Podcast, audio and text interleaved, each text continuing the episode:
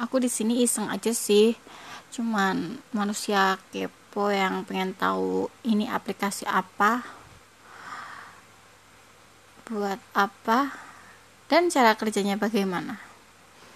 Hmm terima kasih.